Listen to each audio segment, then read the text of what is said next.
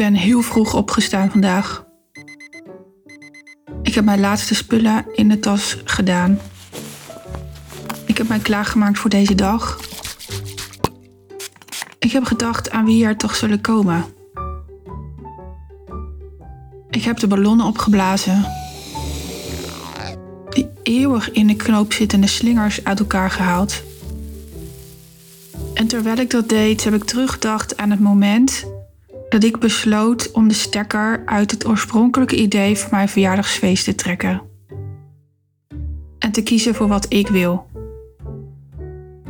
Ik heb teruggedacht aan alle shit die ik over mij heen heb gekregen door het experiment aan te gaan. Ik heb gedacht aan wat het mij heeft gekost. Maar vandaag draait het om wat het mij en vooral mijn genodigden gaat opleveren. Ik weet dat er gevierd mag worden. Mijn verjaardag. Tien jaar ondernemen. Het leven. Met de mensen die net zo bewust als ik gekozen hebben hier vandaag bij te zijn.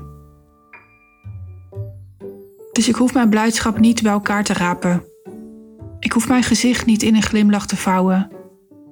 Want ik krijg en ik geef wat ik wil vandaag. Ik loop het risico hier alleen aan tafel te zitten, voor een lege zaal te staan. En ook dan is het mij allemaal waard geweest.